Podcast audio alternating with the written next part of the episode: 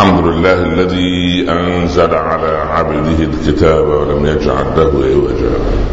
سبحانه له دعوة الحق. حرص عليها وأوجب التبشير بها ولتكن منكم أمة يدعون إلى الخير ويأمرون بالمعروف وينهون عن المنكر وأولئك هم المفلحون وأشهد أن لا إله إلا الله وحده لا شريك له وضع الحجة وأتم المحجة ويأبى الله إلا أن يتم نوره ولو كره الكافرون وأشهد أن سيدنا وحبيبنا محمد رسول الله بلغ الرسالة وأدى الأمانة ونصح الأمة وكشف الغمة وجاهد في الله حق جهاده حتى أتاه اليقين صل اللهم عليه وعلى آله وأصحابه وأزواجه وأتباعه الذين آمنوا ولم يلبسوا إيمانهم بظلم. أولئك لهم الأمن وهم مهتدون. أما بعد أحبتي في الله نرفع اكف الضراعة إلى الله عز وجل أن يجعل لنا أول يومنا هذا صلاحا وأوسطه نجاحا وآخره فلاحا. لا تدع لنا فيه يا ربنا ذنبا إلا غفرته ولا مريضا إلا شفيته ولا عسيرا إلا يسرته ولا كربا إلا أذهبته ولا هما إلا فرجته ولا دينا إلا قضيته ولا ضالا إلا هديته ولا طالبا إلا قومته وأصلحته ونجحته ولا صدرا ضيقا إلا وقد شرحته ولا مغضوبا إلا وقد نصرته ولا ظالما إلا وقد قصمته اللهم من أراد بالمسلمين سوءا فردد اللهم سوءه اليه واجعل تدبيره في تدبيره يا رب العالمين. فك اللهم كرب المكروبين اللهم فك كرب المكروبين اللهم فك كرب المكروبين وسد دين المدينين واقض حوائجنا وحوائج المحتاجين. اللهم إن أردت بعبادك فتنة فاقبضنا إليك. معافين غير فاتنين ولا مفتونين. وغير خزايا ولا ندامة ولا مبدلين. اجعل اللهم خير أعمالنا خواتمها. وخير أيامنا يوم أن نلقاك صلى الله على سيدنا محمد وعلى آله وصحبه وسلم. يا رب تسليما كثيرا. أيها الإخوة المسلمون صحابة الحبيب صلى الله عليه وسلم إذا أردت أن تصنفهم في التاريخ هذا لقب لا يحوزه لقب صحابي لا يحوزه إنسان إلا بمرضاة الله عز وجل. رب العباد سبحانه اطلع على قلوب عباده. فوجد أصفاها وأنقاها قلب الحبيب المصطفى صلى الله عليه وسلم. فجعله خاتما للنبيين.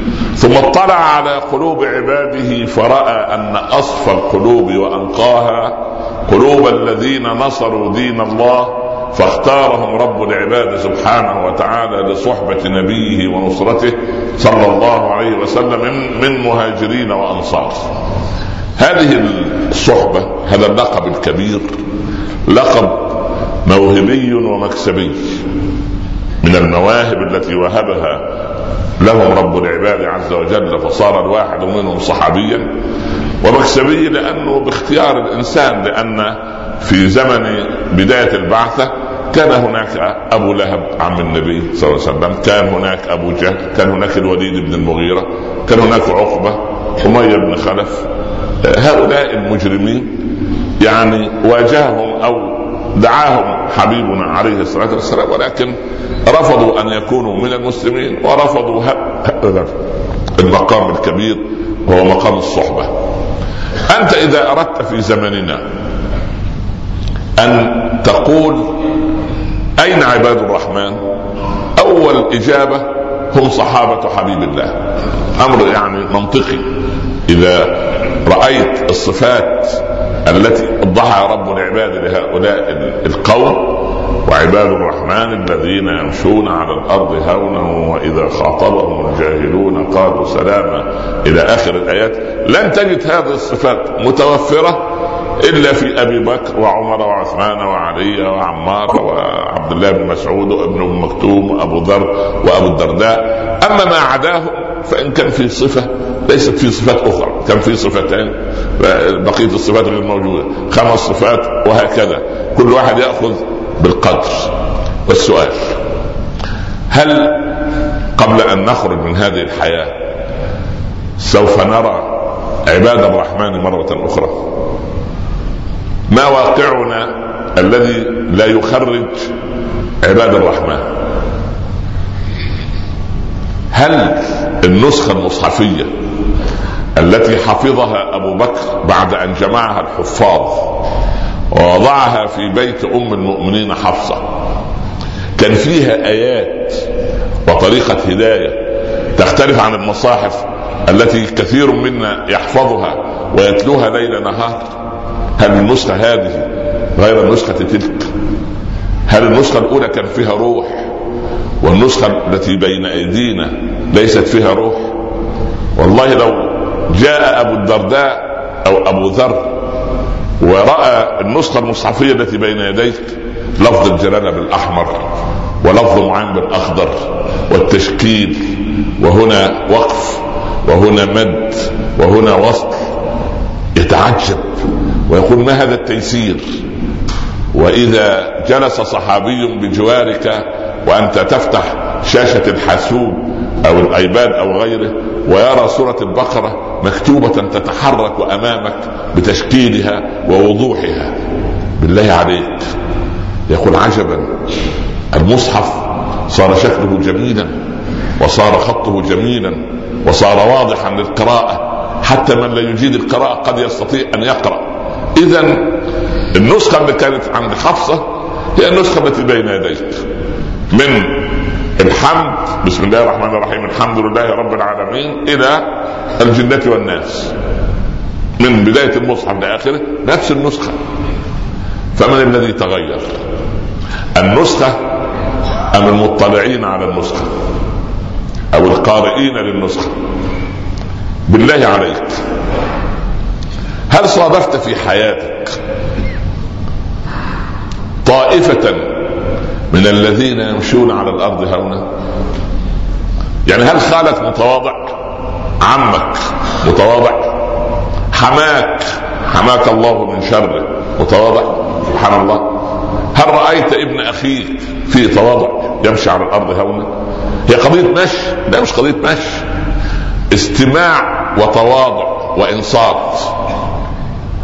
يعني هل أنت من الذين إذا رفعت زوجته صوتها عليه هل فعلا يتواضع ويسكت ويمتص غضبها إلى أن تلين ويفعل ما فعل النبي صلى الله عليه وسلم مع أمنا عائشة عندما لملم الصحفة التي ضربتها بيدها فانكسرت وتناثر الطعام منها ويقول غارت أمكم غارت أمكم ولم يعاتبها ولم يغضبها بل قال يا عائشة صحفة أمام صحفة. أنت أغضبت صاحبة الصحفة بكسرها. من أفسد شيئا فعليه إصلاح. ومرت الأزمة. هل إذا قصصت أنت على أبيك قصة تحدث لك مع زوجتك مثل قصة عائشة مع حبيبنا صلى الله عليه وسلم؟ تقول له يا أبتي إن أختي أرسلت إلي نوع من الطعام. وزوجتي كما تعلم يا أبتي كما كل الزوجات إلا من رحم ربي تكره أخت الزوج لأنها تريد أن تتملكه وحده وتذهب إلى كاتب العقد لتكتب أنه لا يجب أن يتعامل مع أي من أهله لا مع أمه ولا بل بالعكس إن كانت أمه متوفاة فهذا سبب لقبول زواجه وتبحثون عن الخلل في المجتمع. ربوا بناتكم مرة أخرى. لا تورثوا البنات عقد الأمهات. زوجاتكم جاءت إلى بيوتكم بعقد نفسية. إحنا عايزين كلنا مصحة نفسية عقلية ندخل فيها. نفهم يعني إيه زوج يعني إيه زوجة يعني إيه بيت يعني إيه أوامر ونواهي. العلماء اغرقونا سامحهم الله في وضع اليد اليمنى على اليسرى في من قال عند السرة ومن يقول تحت السرة يقول فوق السرة ومن يقول عند الصدر ومنا من يسبل ذراعيه ومنا من يضع ذراعيه. ونختلف هل ننزل بالركبة أولا أم ننزل باليدين أولا. كل هذا ضيع مقاصد الشريعة.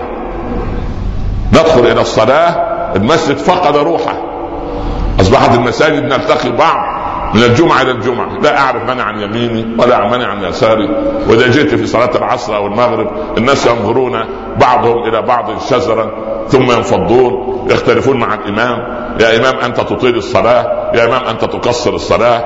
وبعدين إن لم يجدوا ما يختلفوا عليه يختلفوا على التهوية في المسجد. اغلقوا التكييف افتحوا التكييف. أمة أصبحت تافهة. وأغرقنا بعض العلماء على مر الزمن في تفصيلات ما أنزل الله بها من سلطان. لكن لو عدنا إلى القواعد لعدنا إلى تربية أنفسنا مرة أخرى. لو أنت قصصت على أبيك أن زوجتك كسرت الإناء الذي أرسلت إليك فيه أختك طعاما. أبوك أول شيء وطلقتها أم لا؟ هذا هو السؤال الأول. السؤال الأول لأنه أصلا عنده عقد نقص يريد أن يكملها فيك. عندنا خلل لأن بعضا من علمائنا شغلوا أنفسهم بسفاسف الأمور. هذا تبع جماعة وده تبع جماعة وهذا آه، الصوفي لا يحب السلفي والسلفي لا يحب جماعة كذا واختلفنا وأصبحنا سبحان الله يعني أحد أتباع الجماعات.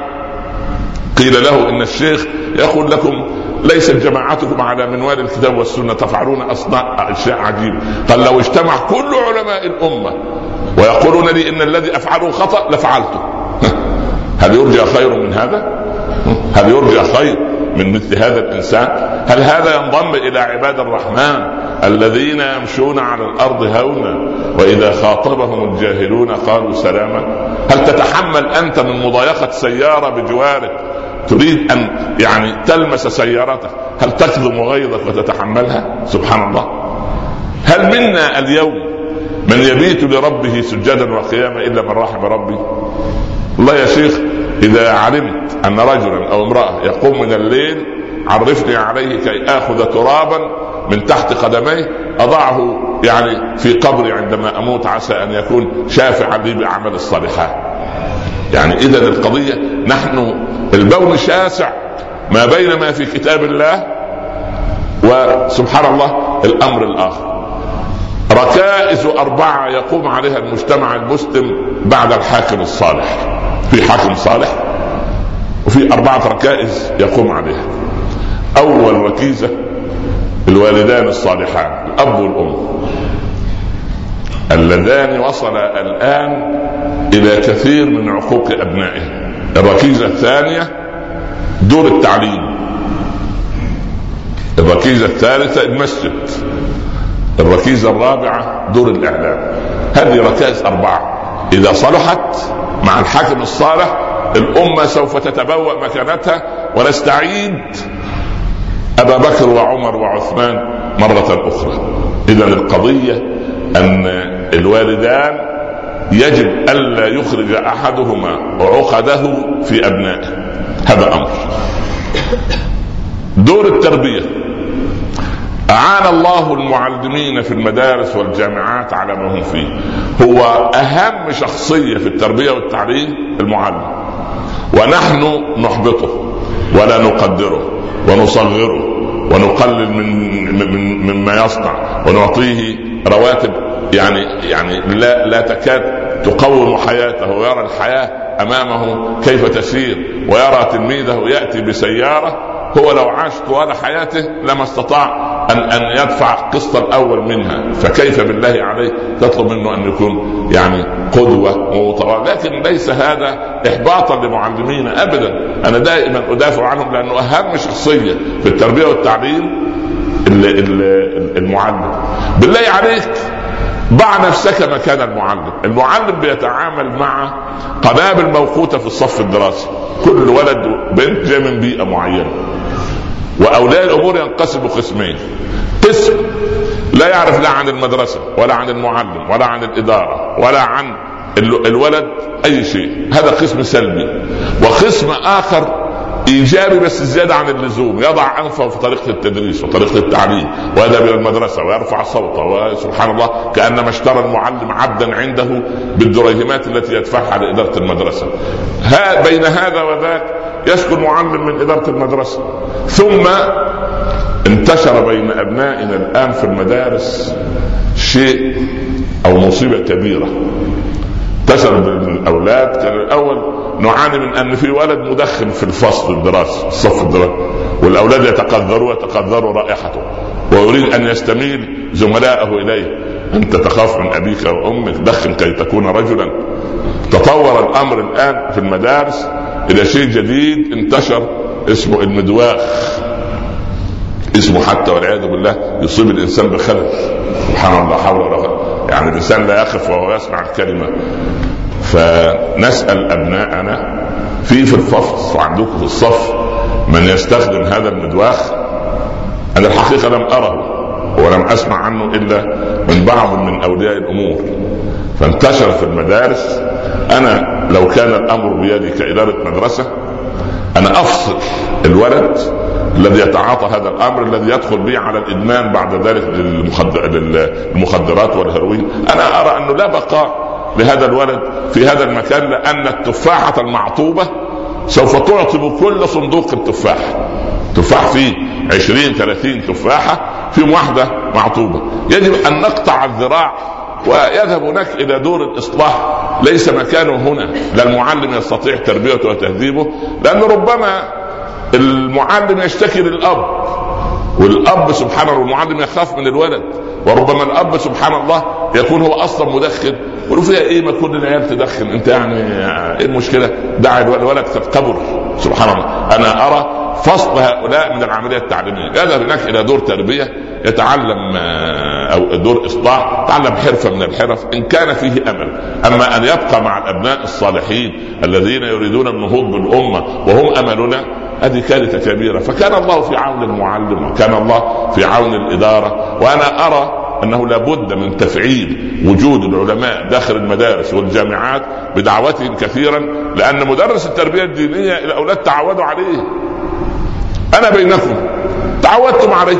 لكن لو جاء رجل غريب ليخطب ما شاء الله يعني لذلك لا كرامة للنبي في قوم فأنا أدعو المدارس إلى دعوة العلماء بالاتفاق مع دائرة الأوقاف ووزارات الأوقاف لدعوة العلماء إلى المدارس حتى يسمعوا من الأولاد ويستطيعوا أن يحصنوهم ولو بالكلام والدعاء ونصيحة للأب والأم بأكل الحلال. هذا هو دور المدرسة. أما دور المسجد قد اختفى دوره. أصبح المسجد الآن للصلوات الخمس وصلاة الجمعة الخطبة مفرغة مؤقتة بوقت معين إلى آخره. كما أن الإعلام لا دخل لنا به لأنه يقوم ب يعني يعني بما ينهى عنه رب العباد سبحانه وتعالى. أحبتي في الله الإجابة الواضحة أن المصحف الذي في أيدينا كان في يد أبي بكر وعمر. إذا نفس النسخة. ما الذي تغير؟ تغير تلقينا لما في كتاب الله عز وجل. فأنا أريد منك اليوم أن تعود إلى بيتك وتعدد صفات عباد الرحمن. فإن وجدت عندك صفتين اجعلهما ثلاثة. إن وجدت فيه صفات أربعة مما وصفهم رب العباد خليهم خمسة. والله وجدت لم تجد ولا صفة حاول أن تبدأ كل شهر بأن تتصف بصفة منهم حتى تندمج في طراز وعصبة وجماعة عباد الرحمن. نسأل الله سبحانه وتعالى أن يجعلنا من عباد الرحمن وأن يرحمنا الرحمن سبحانه برحمته. أقول قولي هذا وأستغفر الله لي ولكم. أحمد الله رب العالمين. وأصلي وأسلم على سيدنا رسول الله صلى الله عليه وسلم أما بعد. أحبتي في الله الإنسان منا كان وحيدا في بطن أمه ونزل إلى عالم الشهادة وفي يوم من الأيام سوف يحملنا أهلنا إلى حافة القبر ويتركونا ونحن نسمع قرع نعالهم المغادرين لنا ويجلسنا ملك الموت ملك الحساب لبداية الحساب. بالله عليك. لو أن كل إنسان برمج حياته للاستعداد لهذا اليوم هل يصير فينا كذابا أو نماما أو نصابا أو مرابيا أو سكير خمر أو عديم صلاة أو ظالم لأهله أو قومه أو شعبه؟ لو أن كل إنسان قيل له إن ملك الحساب سوف يحاسبك الساعة الرابعة عصر اليوم. بالله عليك. ماذا يصنع الإنسان؟ هل تجهز أوراقا؟ هو لا يحتاج أوراق. الأوراق كتبت. تاريخ العمر عشرين أو أربعين أو سبعين سنة. اللي كتب كتب. ولكن عليك التوقف كما قلنا في الجمعة الماضية. التوقف كي تستعد للقاء هذا اليوم الذي لا شفيع ولا محامي. ولا قريب ولا وزير ولا مدير إنما أنت منفردا كأنما رب العباد يناديك وأنت يعني محمول على الأعناق متروك منفردا في هذا المكان عبدي على الأعناق قد حملوك وفي التراب قد دفنوك ووحيدا قد تركوك ولو ظلوا معك ما نفعوك ولم يبق معك إلا أنا وأنا الحي الذي لا يموت. هذا الموقف كأنما يقال لكل إنسان وهذه حقيقة. أين جدك؟ أين جدي؟ أين جدتك؟ أين عمك؟ أين خالك؟ أين الكبار؟ أين الصغار؟ كل ذهب. وذهب لنفس المصير ونفس السؤال. غرتهم الحياة الدنيا. فأنت لا تقتلك الهموم لا تدع الهموم تحيط بك فتنسى وظيفتك في الحياة. أنت وظيفتك في الحياة أن تكون عبدا. بالله عليك. في سورة الإسراء لما تكلم الله عن الإفسادتين الكبيرتين لبني إسرائيل قال ربنا وقضينا إلى بني إسرائيل في الكتاب لتفسدن في الأرض مرتين ولتعلن علوا كبيرا. فإذا جاء وعد أولاهما أي وعد انتهاء الافساده الأولى بعثنا عليكم عبادا لنا. عبادا لنا. يعني عباد لله عباد الرحمن مش عباد للمال. مش عباد للزوجة والمنصب والسيارة الفارهه لا. عبادا لنا. ما صفتهم يا رب؟ أولي بأس شديد. فجاسوا خلال الديار.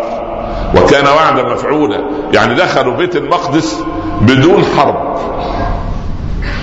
ولقد صمم القساوسة والبطارقه والرهبان في بيت المقدس مع معاوية وعكرمة ويزيد وغيره من الصحابة من قيادات الصحابة. ألا يسلموا مفاتيح بيت المقدس إلا لأمير المؤمنين عمر شخصيا. أرسلوا إلى عمر بالمدينة يا أمير المؤمنين رفضوا أن يستسلموا ويسلموا بيت المقدس إلا لك شخصيا. تحرك عمر. كم كان وفد عمر؟ وفد الانتصار الكبير وتسلم مفاتيح بيت المقدس. آه، السكرتير الأول والسكرتير الثاني والسكرتير الثالث واللجنة الأولى. لا أخذ سالما مولاه. عبد عنده سالم وسالم هذا مات قبل استشهاد عمر. وقال عمر وهو ينازع لو كان سالم حيا لوليته. سبحان الله. انظر إلى سالم هذا. فقال سالم اعد الراحلتين يا أمير المؤمنين. قال بل راحلة واحدة. لا نريد أن نكلف بيت المال. راحلة واحدة. انظر المسافة من المدينة إلى القدس. احسبها أنت. تراجع اليوم ارجع البيت خلي ابنك على الشبكة العنقودية شوف كم كيلو متر متى يصل. فلما فصل من المدينة عمر حب يقسم المسألة. الحكاية دي أنا عايز أولادي الصغار يسمعون الذين لا أراهم في المسجد. مش الرضع لا الأولاد اللي في ابتدائي ومتوسط أنا عايزهم يأتون معكم ليسمعوا فعمر رضي الله عنه قال يا سالم أنا أركب وأنت تسير. وأسمعك جزءا من القرآن. وبعدين أنزل. وأنت تركب. تسمعني جزء من القرآن. عمر يجعل الراكب هو الذي إيه؟ يتلو لأن الماشي مجهد. فخلي الراكب المستريح. ظلوا يتناوبوا. يعني ينتهوا من ختمة. يبدأوا في ختمة أخرى. ختمة في ختمة أخرى. سبحان الله. وأنت لو سافرت سفرا طويلا ووضعت. يعني القرص للقران أو اذاعه القران الكريم ضج اولادك وضجت زوجتك أو يا بابا أبويا حط لنا أغنية. رطب علينا الله يرطبها عليك. سمعنا. المهم يعني هذه وعايزين عباد الرحمن. المهم سيدنا عمر بعد ما تنتهي الختمه يبتدي بختمة أخرى ويبدأ بختمة ثالثة. إلى أن وصلوا إلى مشارف بيت المقدس خرج كل القساوسة والبطارقة والرهبان لاستقبال عمر. كل يريد أن يتشوق إلى هذا الإنسان. في المرحلة الأخيرة كان الجزء الذي يعني اللي يتلى كان من سالم راكبا. فلما لمح الرهبان على مرمى البصر قال يا أمير المؤمنين تعالى لتركب لقد شارفنا والقوم منتظرون. قال والله ما أنت أغنى مني بالأجر ولا أنا أغنى يعني عمي أنا عايز أجر. والله لا تنزل ولا أركب.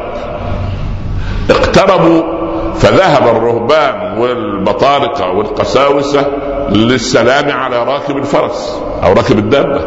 أمر طبيعي معقول خادم يعني سبحان الله. يشير إليهم سالم هذا أمير المؤمنين.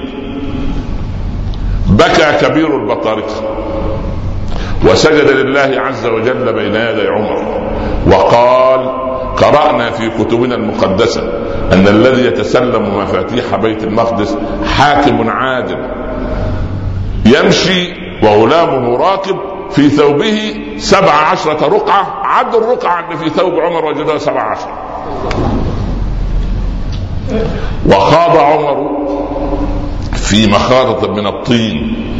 يقول معاوية له يا أمير المؤمنين أتخوض في بركة من الطين في يوم أعز الله فيه الإسلام؟ عمر لا يريد أن يأخذه زهو النصر كما يأخذ البعض اليوم لا. قال اسكت يا معاوية. لقد كنا أذلاء فأعزنا الله بالإسلام فإن ابتغينا العزة في غير الإسلام أذلنا الله. هذه صفات عباد الرحمن. الذين يمشون على الأرض هونا وإذا خاطبهم الجاهلون قالوا سلاما. نحن نريد أن نستعيد أنفسنا قبل أن نستعيد غيرنا فأنت مشروع نفسك وأنت الذي سوف تحاسب يوم القيامة. لا يحاسب عنك أحد ولا تزر وازره وزر أخرى. وأن ليس للإنسان إلا ما سعى. اللهم اغفر لنا ذنوبنا وإسرافنا في أمرنا وثبت يا رب أقدامنا وانصرنا على القوم الكافرين. اللهم أصلح ذات بيننا واجعلنا على قلب رجل واحد يا رب العالمين. اجعل هذا البلد آمنا مطمئنا وسائر بلاد المسلمين. سخاء رخاء يا أكرم الأكرمين. ارزق بناتنا بأزواج صالحين وأبناءنا بزوجات صالحات. واهد أبناءنا إلى ما تحب وترضى. واعصم بناتنا من كل مكروه وسوء. اللهم انصر إخواننا في فلسطين وثبت إخواننا في سوريا. اللهم ألهمهم رشده يا رب العالمين. كف يد الباغية عنهم يا أكرم الأكرمين. اللهم اجمع ابناء العراق على قلب رجل واحد. اللهم كن مع أبنائنا في السودان واجمعهم على قلب رجل واحد يا رب العالمين. اللهم اهد أبناءنا وإخواننا في مصر وتونس وليبيا والمغرب العربيه والخليج وفي كل أرض تعبد فيها يا رب العالمين. لا تجعل بيننا شقيا ولا محروما واختم لنا منك بخاتم السعاده أجمعين وصلى الله على سيدنا محمد وآله وصحبه وسلم. بسم الله الرحمن الرحيم. والعصر إن الإنسان لفي خسر إلا الذين آمنوا وعملوا الصالحات. وتواصوا بالحق وتواصوا بالصبر. صدق الله ومن أصدق من الله. قيل نكمل حديثنا بعد الصلاة إن شاء الله.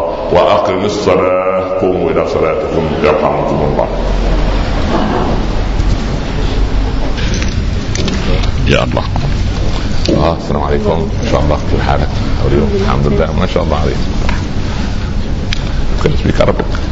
No. no. What's your name? New name Usman. اسماعيل ما شاء الله. أحمد الله رب العالمين وأصلي وأسلم على سيدنا رسول الله صلى الله عليه وسلم. أما بعد نبدأ الدرس إن شاء الله بإسلام أخ لنا وإضافة يعني مسلم جديد إلى الإسلام. يعني هداه الله إلى الحق. نسأل الله سبحانه وتعالى أن يهدينا جميعا. لا لابد أن أقف. إسماعيل. ما شاء الله. إسماعيل ما شاء الله. هو سمى نفسه إسماعيل هذا من فضل الله سبحانه وتعالى. قل أشهد قال أشهد أن أن لا إله لا إله إلا الله إلا الله وأن أن محمدا محمدا رسول الله. رسول الله. أشهد أشهد أن أن لا إله لا إله إلا الله إلا الله وأن أن محمدا محمدا رسول الله. رسول الله. صلى بارك الله فيك خمس دقائق شكرا بارك الله يحفظك الذي يعلن إسلامه بيننا بعدما يرى أخلاقنا هذا مجاهد كبير. وهذا إنسان عنده قناعة شديدة بالإسلام. وليس بشيء آخر. عشان تظن أن الرجل رأى شيئا. ربما رأى بعض السلوكيات المتناثرة هنا وهناك. ففتح الله وشرح الله صدره. لكن ندعو الله عز وجل أن نكون نحن مع الإسلام بابا يدخل الناس فيه إلى الإسلام. إن شاء الله. لكن لا تظنوا ابدا أنه لما عايشنا وعاصرنا يعني تشجع. ربما تردد. لكن إن شاء الله ندعو الله أن نكون يوما بابا لدخول الناس إلى دين الله سبحانه وتعالى. ربنا لا تجعلنا فتنة للذين كفروا. لانكم أهل صفوة وأهل ثقافة وأهل علم. نحن نريد في الدرس اليوم أن نأخذ من الخطبة شيء ونتكلم عن بعض من مقاصد الشريعة. يعني إيه مقاصد الشريعة؟ نحن نعرف الأحكام. كلها الحلال والحرام والصلاة أركانها سننها مستحباتها مكروهاتها مبطلاتها. هكذا نعرف أنصبة الزكاة كيف نزكي كيف نصوم. كيف نؤدي مناسك الحج؟ هذه الأوامر والنواهي والعبادات كلها بفضل الله سبحانه وتعالى يعني آه، واضحة للجميع ليس منا جاهل بها.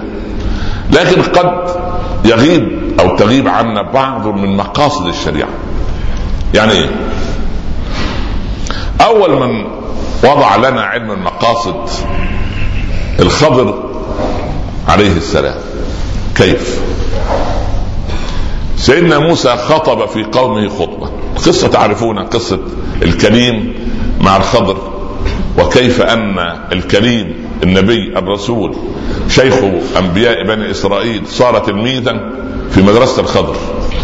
وقبل في المدرسة يعني يعني ليس بالسهولة. يعني كان أوصد أمامه الباب مرات. وسيدنا موسى عازم على أن يصير تلميذا في المدرسة. قال سيدنا موسى يا رب إن كان في عبادك من هو أعلم مني فدلني عليه هذا هو أول صفة من صفات عباد الرحمن اللي هو إيه؟ يمشون على الأرض إيه؟ اللي هي صفة الإيه؟ تواضع يعني يقول لك معقول في في البلد دي أكثر عبقرية مني؟ معقول في المؤسسة دي في واحد؟ يعني ده أينشتاين بالنسبة لي غبي. فلما تنتفخ الانا تصير مصيبة.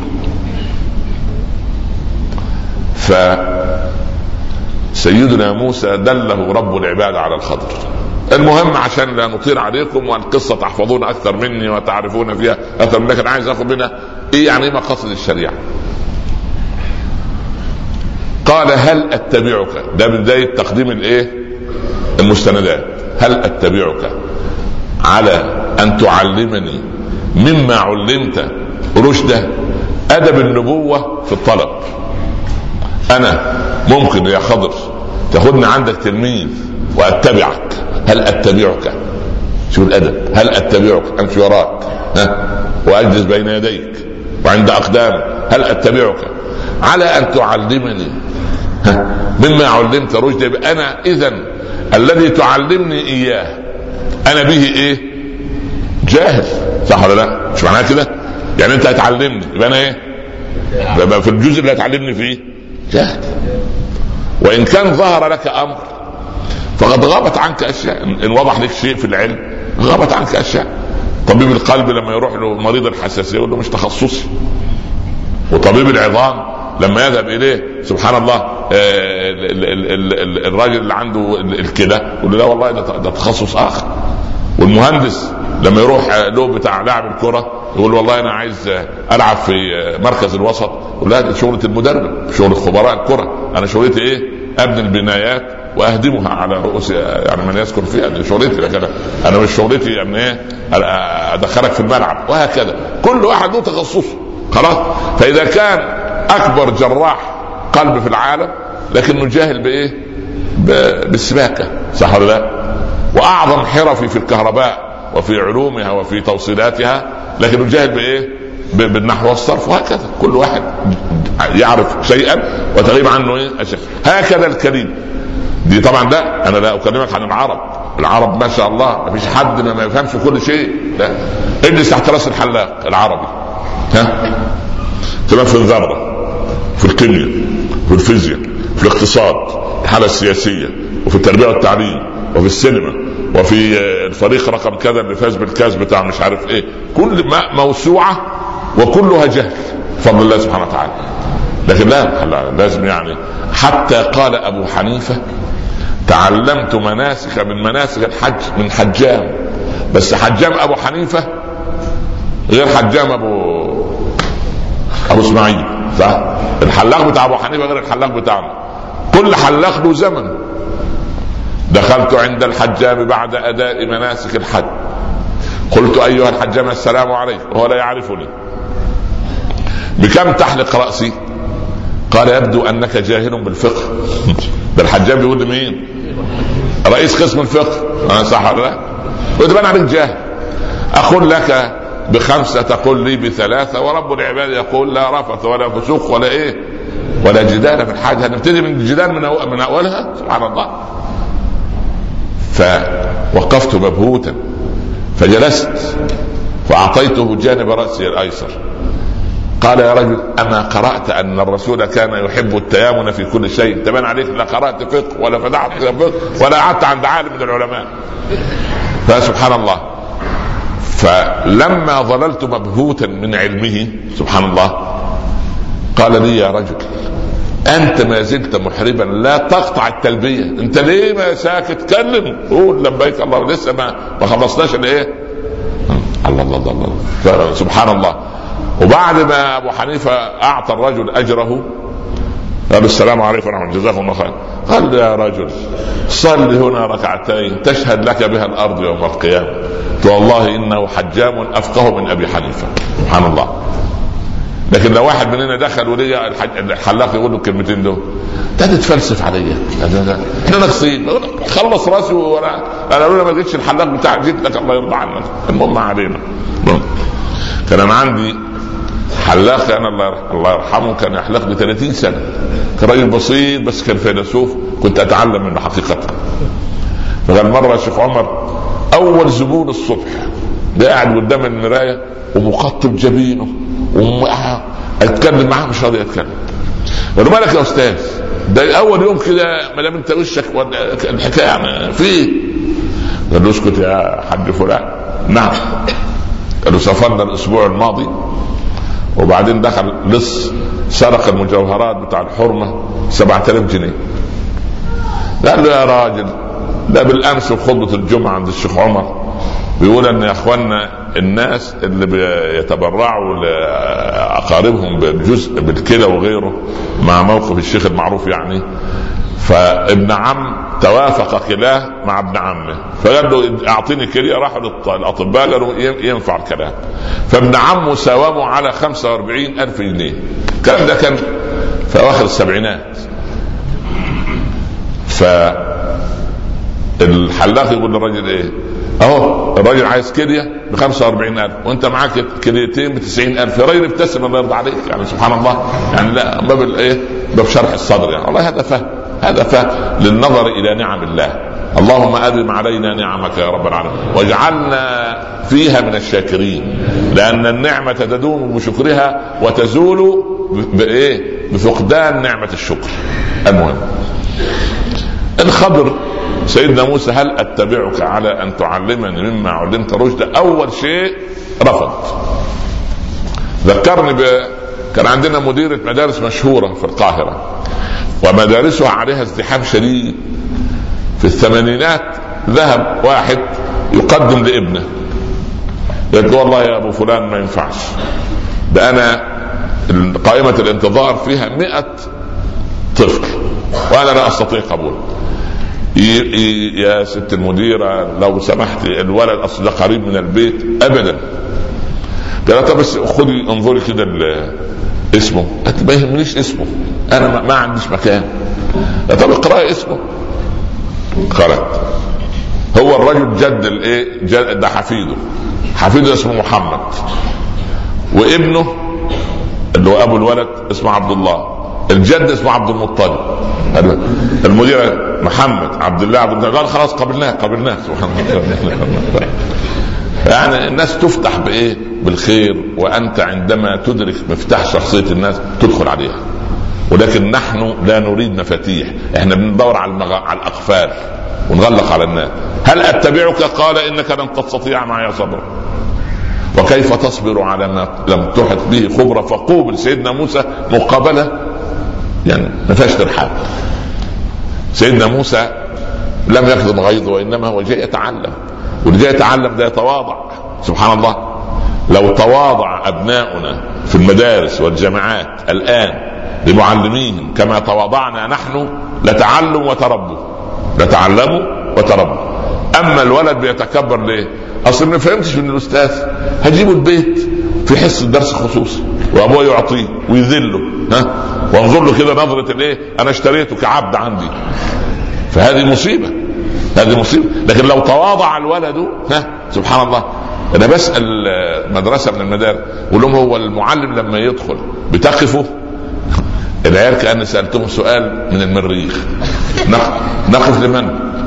ابننا بيضحك سبحان الله. يقف؟ ده المدرس اللي بيقف. سبحان الله. وياك الولد يرضى سبحان الله. تقف يقول لي يقول العيال يقولوا إيه؟ نقف ليه يا شيخ؟ مش الكائن البشري اللي دخل ده في مقام الأب يرد ولد يقول إيه؟ بس ده مش أبويا. خلاص. طيب إن شاء الله. خير بإذن الله. هيحصل خير إن شاء الله بإذن الله. إن شاء الله. فنسأل الله أن يرقق قلوب أبنائنا على معلمين. ها؟ وبالمره والعكس. يعني عشان إيه؟ يعني. المهم قال ستجدني إن شاء الله صابرا ولا أعصي لك أمرا. فاشترط عليه شرط تمشي خلفي لا تسألني.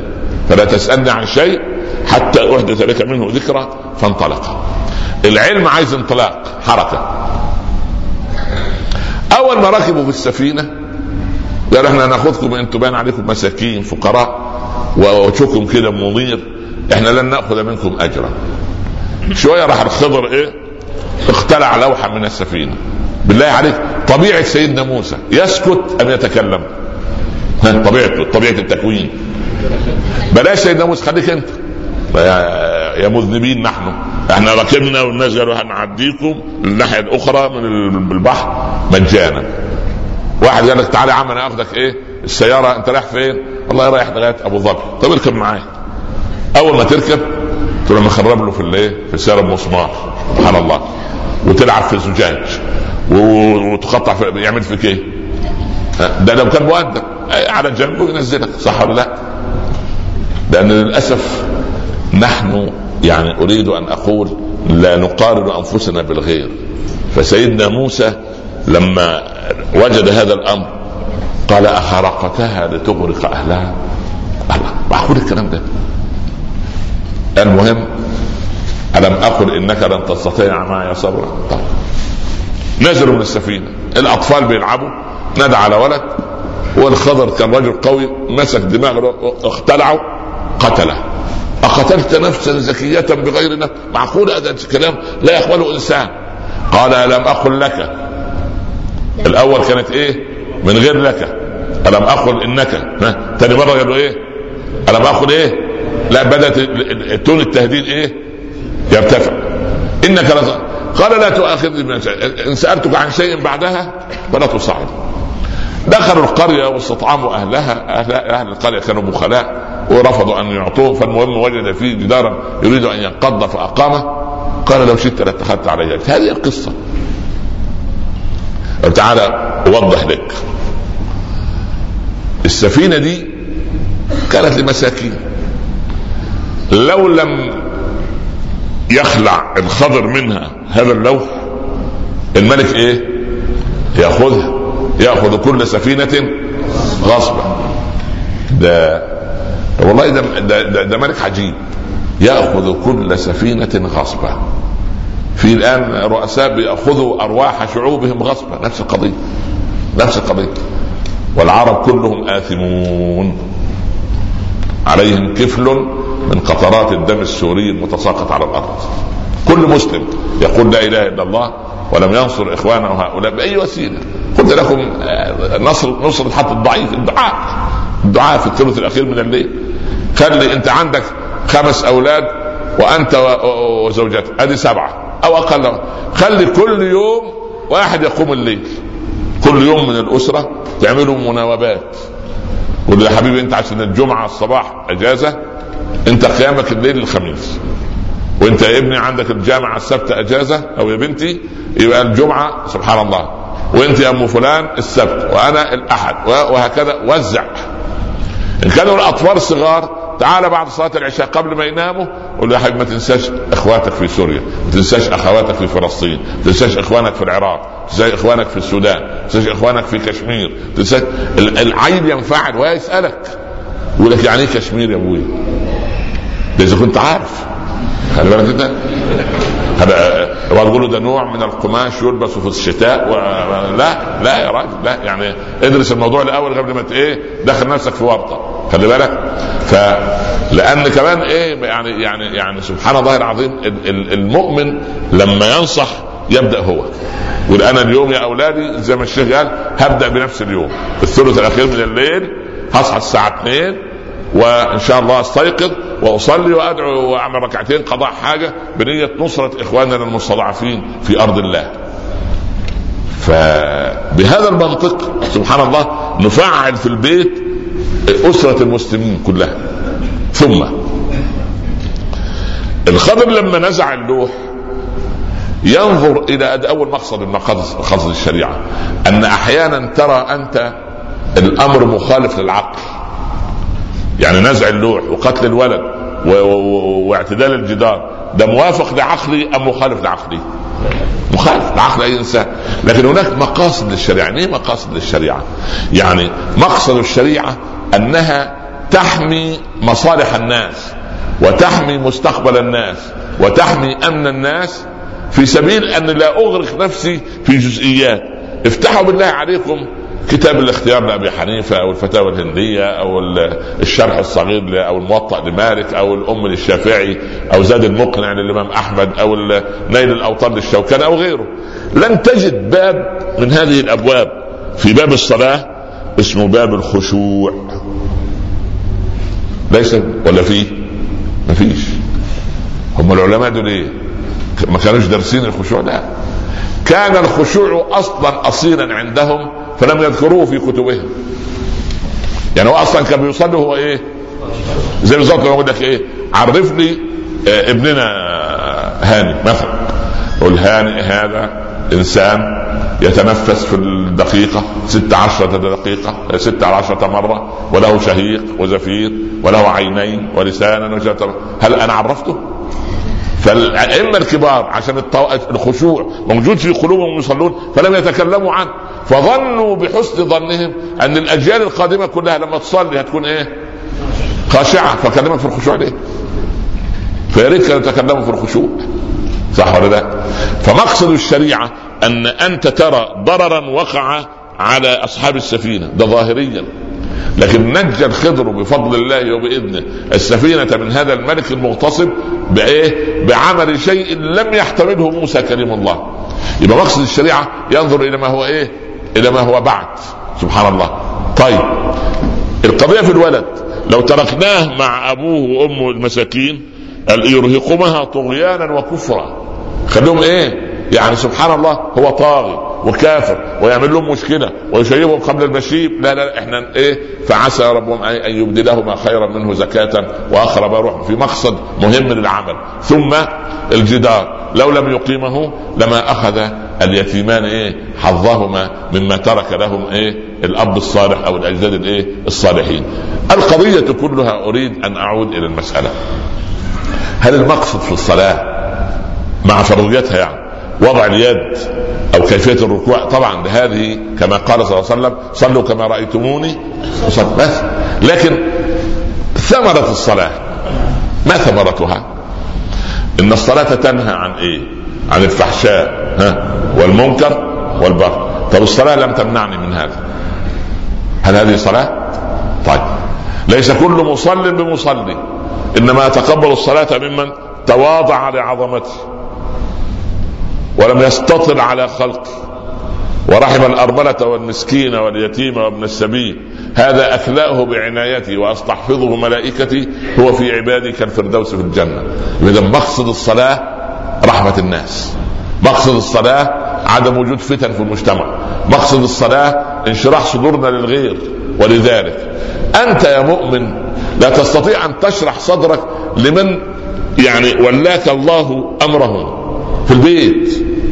يعني فرضنا زوجتك فرضنا يعني. وهي مش كده إن شاء الله. تحب النكد مثلا يعني. مثلا. مش زوجتك أنت زوجة ناس في مسجد آخر. خلاص؟ سبحان الله الزوجة اللي تحب النكد دي تيجي انت تنكد عليها أكثر وتستثير نكدها أم انت تحاول أن تستوعبها؟ هي نكد لكن إيه؟ أمينة على أموالك وعلى عرضك وعلى عيالك وتعبانة ومدبرة تخاف عليك وتحبك على طريقتها. خلي بالك على طريقتها دي ها؟ دي مهمه جدا سبحان الله. حبك على طريقتها ها؟ تعبير جديد ده حبك فالمهم على طريقتها دي أنت استوعبها. ليه؟ بقى أنت كده ثمرة الصلاة. ثمرة الصلاة. لله الأمر. الزوجة كذلك. الأقارب كذلك. يا أخي لك ابن عم حسود وحقود ولا يحبك.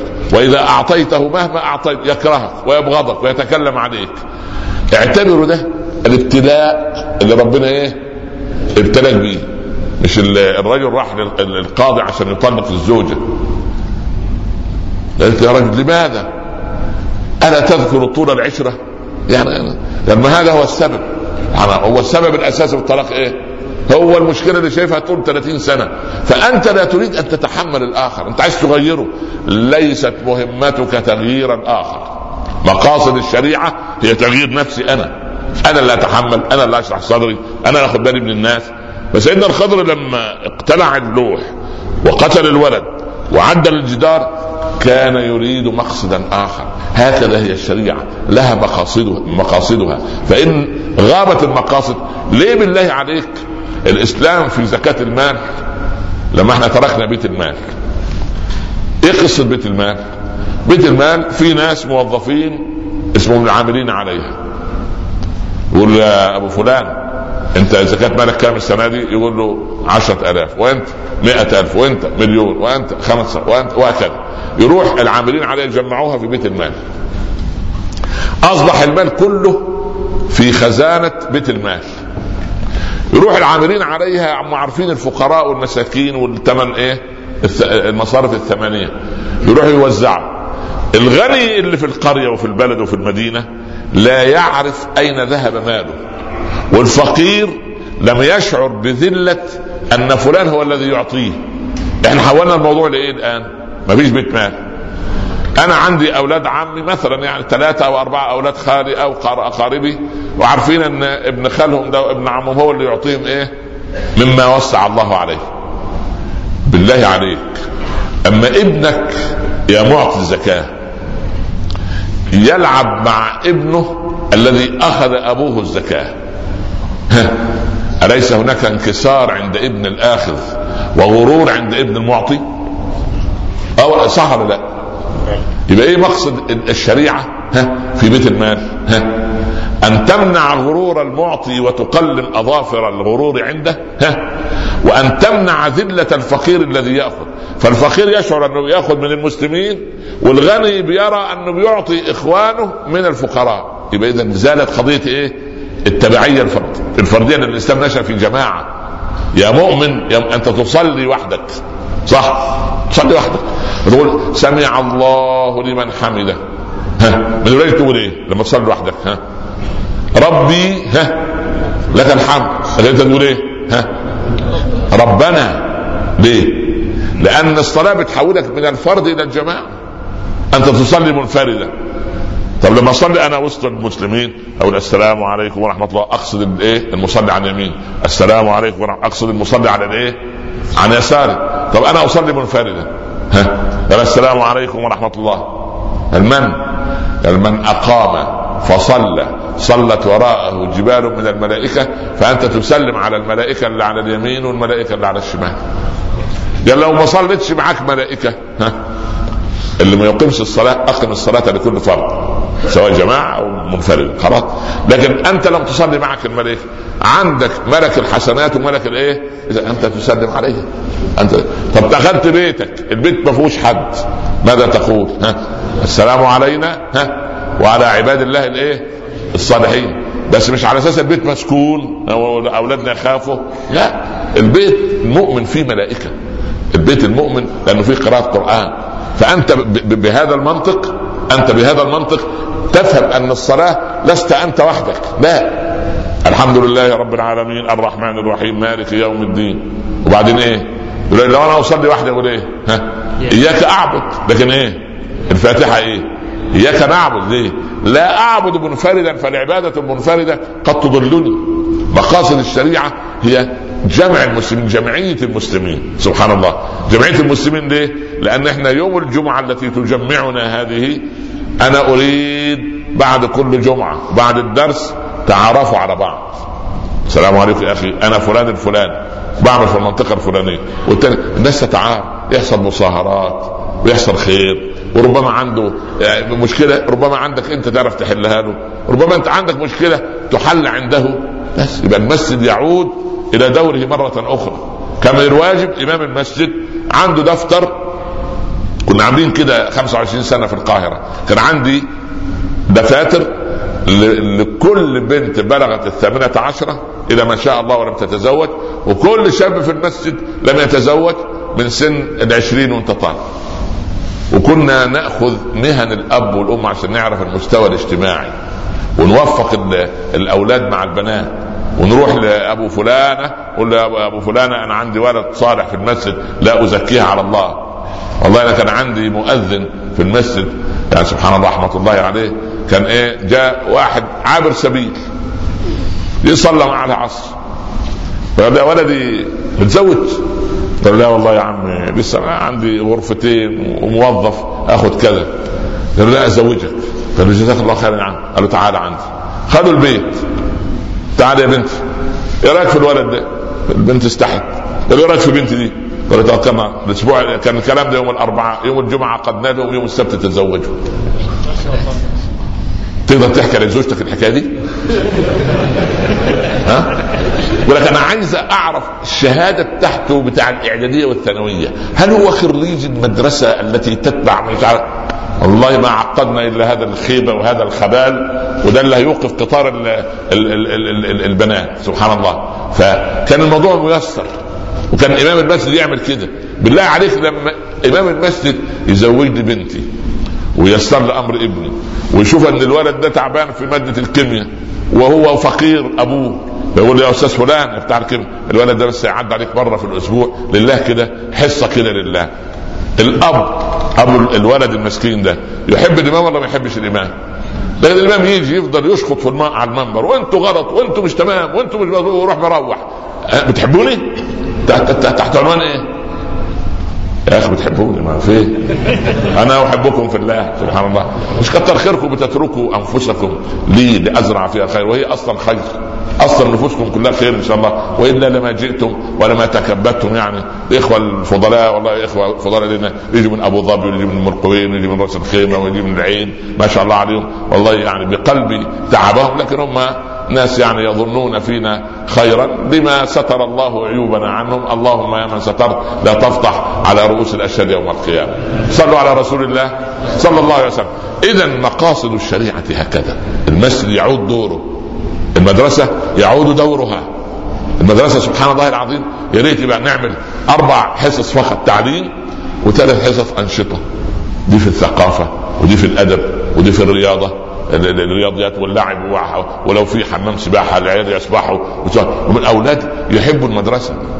مدارسنا العربية هي المدارس الوحيدة المسوره عليها إيه؟ سور. زي الايه؟ عزك الله. زي بالظبط وبدل ما هي فصول زنازين زنزانه رقم واحد. زنزانه ثالثة أول. زنزانه رابعه خامس. سبحان الله حول ولا قوة إلا بالله. المدارس في الغرب ما فيش سور. ليه؟ لأنها تشبه الجنة. هي سبحان الله ال- الجنة. ها؟ ماذا قال ربنا مغلقة لهم الأبواب ولا مفتحة؟ مفتحة ها؟ طب والنار على إنها عليهم إيه؟ مؤصده ها؟ سور وسور عالي. وسبحان الله كان زمان لنا زملاء يحبوا يهربوا من المدارس. فالراجل على السور. فولد يهرب كل يوم عايز يهرب. فالمدير المدرسة وقف بره الباب على يمين الباب كده وتوقف. الولد يهرب وما يعرفش إن الناظر واقف تحت. فنزل نزل على اكتاف الناظر. سبحان الله ما شاء الله عليك. الله أكبر. يعني ما شاء الله. الهارب الع- العبقري. سبحان الله. وكم من عباقرة في التاريخ. المهم فالولد يا عيني رايح المدرسة. طب بص على الأولاد الصبح. كان زمان من 40 50 سنة. بص على أولاد الصباح وهم رايحين المدرسة. البراءة والنضارة والفرحة والأولاد أبرياء. ملائكة يمشون. تحب تغف إيه؟ تلعب معاهم وتكلمه الآن أنت تخاف تمشي في حالك. سبحان الله. والولد لسه صاحي من النوم الله يكون في عون المعلم. يا ولدي اسمك إيه؟ ها؟ اسمي اسمي هذا اسمي. سبحان الله. عارف الراجل اللي راح اتعالج من زهيمر ها؟ وراحوا أهله يباركوه يباركوا له جيران الف مبروك أبو فلان الحمد لله. كل شيء تتذكره الآن. الحمد لله الحمد لله فضل ونعم. أنا كنت فين؟ كنت بنسى كل شيء. طب إيه المستشفى العظيمه اللي أنت تعالجت فيها دي؟ فنادى على بنته يا زهرة يا زهرة هنا إيه اسم المستشفى اللي أنا كنت أعالج فيها؟ قالت له يا أبويا أنا اسمي ياسمين ياسمين سبحان الله العظيم لا إله إلا الله فده علاج أساسي سبحان الله العظيم فالولد عنده زهايمر وعنده مقطب جبينه وصاحي من النوم وسبحان ليه؟ لأن سبحان الله وجود الأضواء في البيت والأنوار للساعه الواحدة والثانية هذا يفسد أمورا ثلاثة لا يجعل الليل لباسا يعطل هرمون الميلاتونين بتاع هرمون السعادة. الأمر الثالث يوتر الأولاد حتى وهم نائمون. العيل وهو نايم لو الضوء منو عليه يتوتر وهو نايم يصير عصبي الصباح. فانا عايز الله يرضى عليك سنة النبي صلى الله عليه وسلم أط... إذا دخل الليل أطفئ المسرجة وأغلق الباب وأوكئ السقاء. ضبط الأواني والاطباق وبعدين غلق بابك سبحان الله وبعدين أطفئ الايه الأنوار حتى يستطيع الجسم أن يتخلص من الموجات الكهرومغناطيسية الضارة والأولاد يقوموا الصبح إيه؟ على الفجر كده وهم إيه؟ مستيقظين بنشاط. أظن دي روشتة علاج سريعة. نسأل الله سبحانه وتعالى أن يفهمنا مقاصد شريعته وأن يهدي وإياكم سواء السبيل ونلقاكم إن شاء الله بإذن الله الجمعة القادمة في برنامج جميل على الفضائل المصريه الساعة الخامسة والنصف. يعني بإذن الله إيه شوفوه كل جمعة كده إن شاء الله. يعني بإذن الله رب العالمين ولا تنسونا من صالح الدعاء. السلام عليكم ورحمة الله تعالى وبركاته.